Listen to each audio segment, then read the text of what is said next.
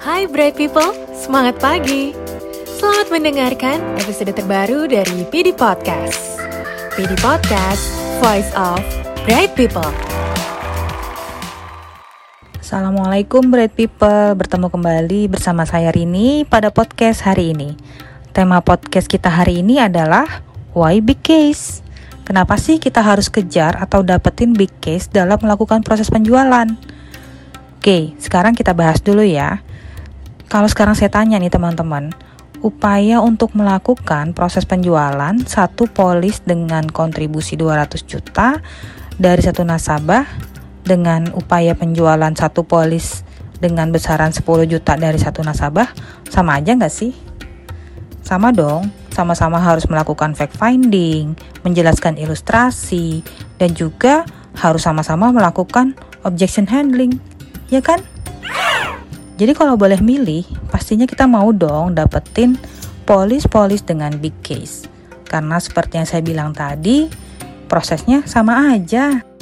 Nah, berarti kalau kita sekarang udah tahu bahwa effortnya sama-sama aja, jadi kita juga harus mulai mikir dong, kali ini saya mau effort saya worth it, yaitu satu kali menemui nasabah langsung dapat big case. Kemudian pertanyaannya adalah gimana sih cara dapetin bid case-nya? Sebelum masuk kepada bagaimana caranya, saya mau ngomongin dulu soal fakta yang ada sekarang ya teman-teman. Saya akan gunakan dulu data dari periode half 1 2020 yaitu Januari sampai dengan bulan Juni di mana teman-teman dari Bank Muamalat sudah memiliki 1308 polis dengan total pencapaian 15 miliar 860 juta. Nah, kalau kita bagikan atau kita hitung rata-ratanya, maka 15 miliar 860 juta ini dibagi dengan total polis yang ada, teman-teman tuh tiket size-nya adalah sebesar rata-ratanya 12,1 juta. Artinya, per orang ya kalau kita hitung rata-ratanya produksinya adalah kontribusi dengan besaran 12,1 juta teman-teman. Nah, case-nya masih lumayan kecil ya, belum ada yang big case. Lalu kalau lihat dari productivity-nya rata-rata satu IAS punya berapa case sih? Pada data periode ini, teman-teman IAS memiliki 2,5 cases per IAS. Ini average ya teman-teman kalau kita bagikan dari total seluruh IAS yang ada. Nah, tadi adalah fakta aktual produksi teman-teman selama half 1 2020. Lalu selanjutnya kita akan mulai membahas sebenarnya berapa banyak sih nasabah muamalat yang ada Muamalat memiliki kurang lebih 2.500.000 customer teman-teman dari 2.500, 2 jutanya adalah retail customers dan 400 ribu adalah aktif customer.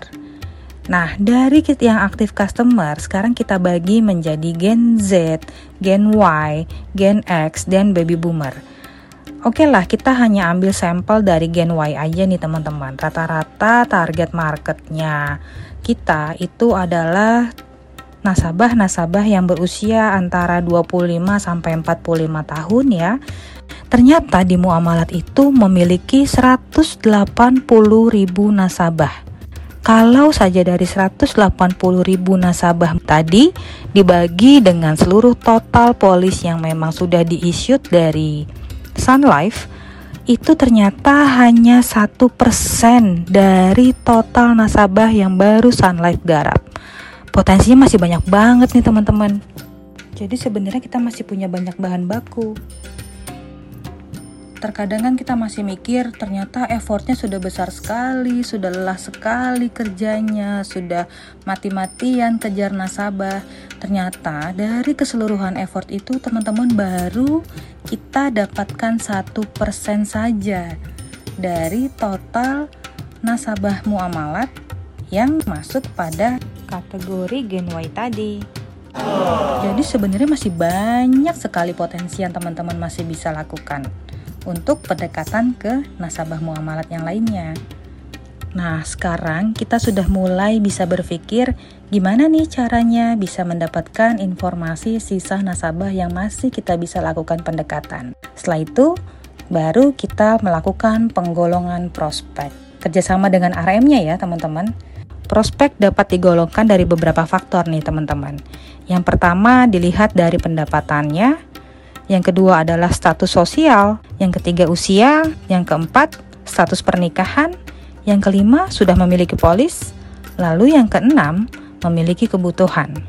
Karena kita berharap memiliki higher case size, maka kita akan berfokus pada dua hal yang sangat penting saja dari kategori ini, teman-teman, yaitu kategori pendapatan dan status sosial.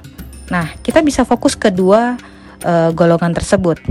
Kalau dari pendapatan, nasabah itu terbagi menjadi nasabah dengan segmen A dengan pendapatan kurang dari 3 juta, lalu ada nasabah yang dalam segmen B yaitu nasabah dengan pendapatan 3 sampai 5 juta dan ada nasabah yang di segmen C yaitu pendapatannya 5 sampai 10 juta. Dan yang terakhir ada segmen D. Nah, di segmen D sendiri teman-teman, ini ada kategori upper D ya dengan pendapatan 10 sampai 30 juta dan board D yaitu nasabah dengan pendapatan di atas 30 juta. Kalau kita lihat dari kategori ini, sekarang kita bisa mulai memfokuskan diri untuk melihat nasabah-nasabah dengan pendapatan di segmen D, yaitu pendapatan mulai dari 10 juta sampai dengan di atas 30 juta. Lalu bagaimana kita bisa tahu bahwa nasabah yang akan kita lakukan pendekatan adalah nasabah-nasabah yang masuk dengan segmen D tadi. Nah, setelah kita pahami segmentasi pendapatan tadi, maka tahap berikutnya penting buat teman-teman bekerja sama dengan RM untuk membuat daftar prospek dengan beberapa kriteria. Yang pertama adalah nasabah dengan penghasilan di atas 10 juta per bulan. Lalu kedua, nasabah dengan saldo harian rata-rata di atas 15 juta atau nasabah yang memiliki deposito di atas 50 juta. Ya, atau juga nasabah yang memiliki kapasitas investasi di atas 500 juta. Biasanya dapat dari hasil pensiun lamsam ya.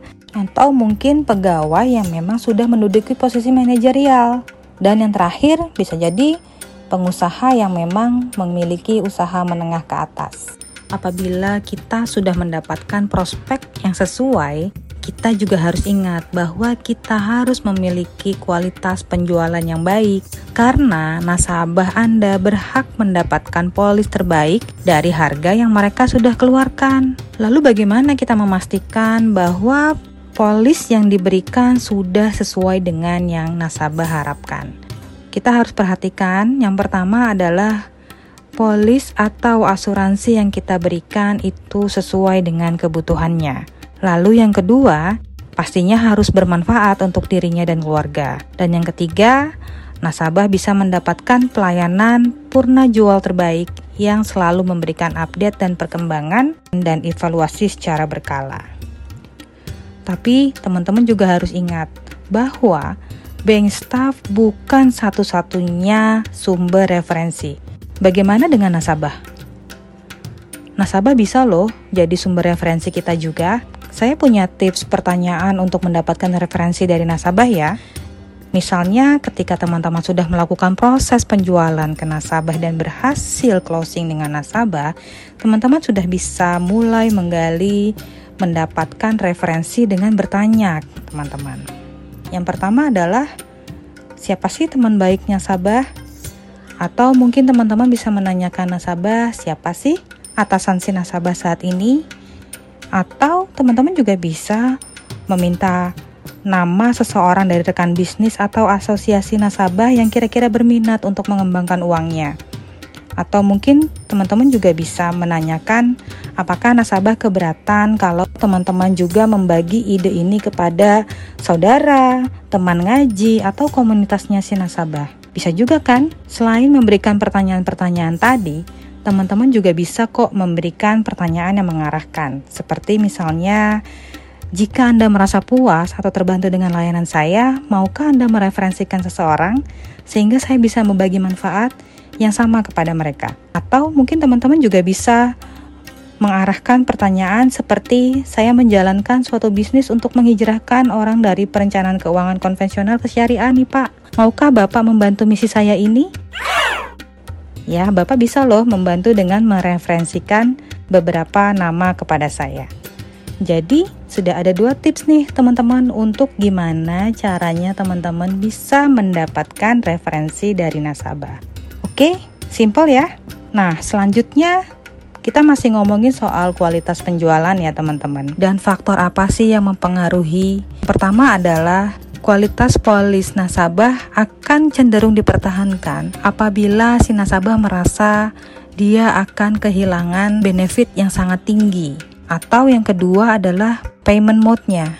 Persistensi dari cara bayar bulanan dan kuartal itu lebih inferior atau beresiko dibandingkan dengan cara bayar tahunan atau semester teman-teman. Jadi pastikan kalau bisa teman-teman melakukan pendekatan pembayaran dengan metode tahunan ini akan jauh lebih aman untuk persistensinya ya teman-teman. Nah sekarang kita ngomongin soal apa sih keuntungannya bagi Salesforce. Yang pertama adalah dengan memiliki potensi big case teman-teman pasti akan meningkatkan penjualan. Yang kedua, memperbaiki kualitas persistensinya teman-teman sendiri.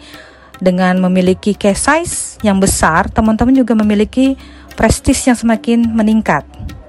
Atau juga bisa membantu teman-teman membawa kepada referensi yang lebih berkualitas. Dan ini juga bisa loh menjadi tabungan teman-teman nanti di masa depan. Yang pasti juga ini akan memberikan potensi untuk memiliki komisi dan insentif yang lebih besar. Yang terakhir adalah teman-teman bisa memberikan manfaat yang lebih besar kepada nasabah. Itu adalah keuntungan bagi teman-teman apabila mulai melakukan penjualan untuk mendapatkan big case tadi. Nah, kemudian ada loh ide penjualan yang bisa teman-teman gunakan untuk mendapatkan big, case. Saya juga mau sharing mengenai ide penjualan yang bisa teman-teman lakukan dalam mendapatkan big case. Yang pertama adalah coba deh ekspansi ke nasabah dalam bentuk grup atau perusahaan. Teman-teman juga bisa mungkin convert dari nasabah grup menjadi individual juga. Atau teman-teman bisa mulai menjual kepada keluarganya nasabah. Ya, orang tua, anak, cucu. Yang terakhir, teman-teman juga bisa melakukan reselling kepada nasabah yang existing. Seperti itu. Jadi banyak sekali cara yang teman-teman bisa lakukan untuk mendapatkan big case. Tapi ingat, kalau sudah dapat big case, jangan lupa juga untuk maintain after sale service-nya. Ini untuk menjamin kelangsungan bisnis yang berkepanjangan. Karena mempertahankan existing client membutuhkan effort yang lebih kecil daripada mencari klien baru, teman-teman. Untuk melakukan ini, teman-teman harus melakukan apa sih? Jadi, untuk mempertahankan nasabah, teman-teman bisa mulai dengan cara menjelaskan isi polis secara komprehensif, maintain kontak dengan nasabah, selalu keep in touch, lakukan segala sesuatu yang baik untuk mempertahankan kepuasan nasabah, dan berikan pelayanan ikhlas secara personal. Atau mungkin sudah terpikir nggak sih teman-teman untuk memiliki broadcast list di WhatsApp? Apa sih broadcast list? Bukan WA group ya teman-teman, tapi teman-teman memiliki broadcast list di mana teman-teman bisa menghubungi nasabah yang teman-teman miliki untuk sekedar memberikan update. Oke, semoga apa yang saya sampaikan hari ini bisa bermanfaat dan good luck teman-teman. Semoga semua mendapatkan big cash. Wassalamualaikum warahmatullahi wabarakatuh. Hai Bread People, terima kasih telah mendengarkan PD Podcast. Tunggu PD Podcast episode selanjutnya ya. PD Podcast, Voice of Bright People.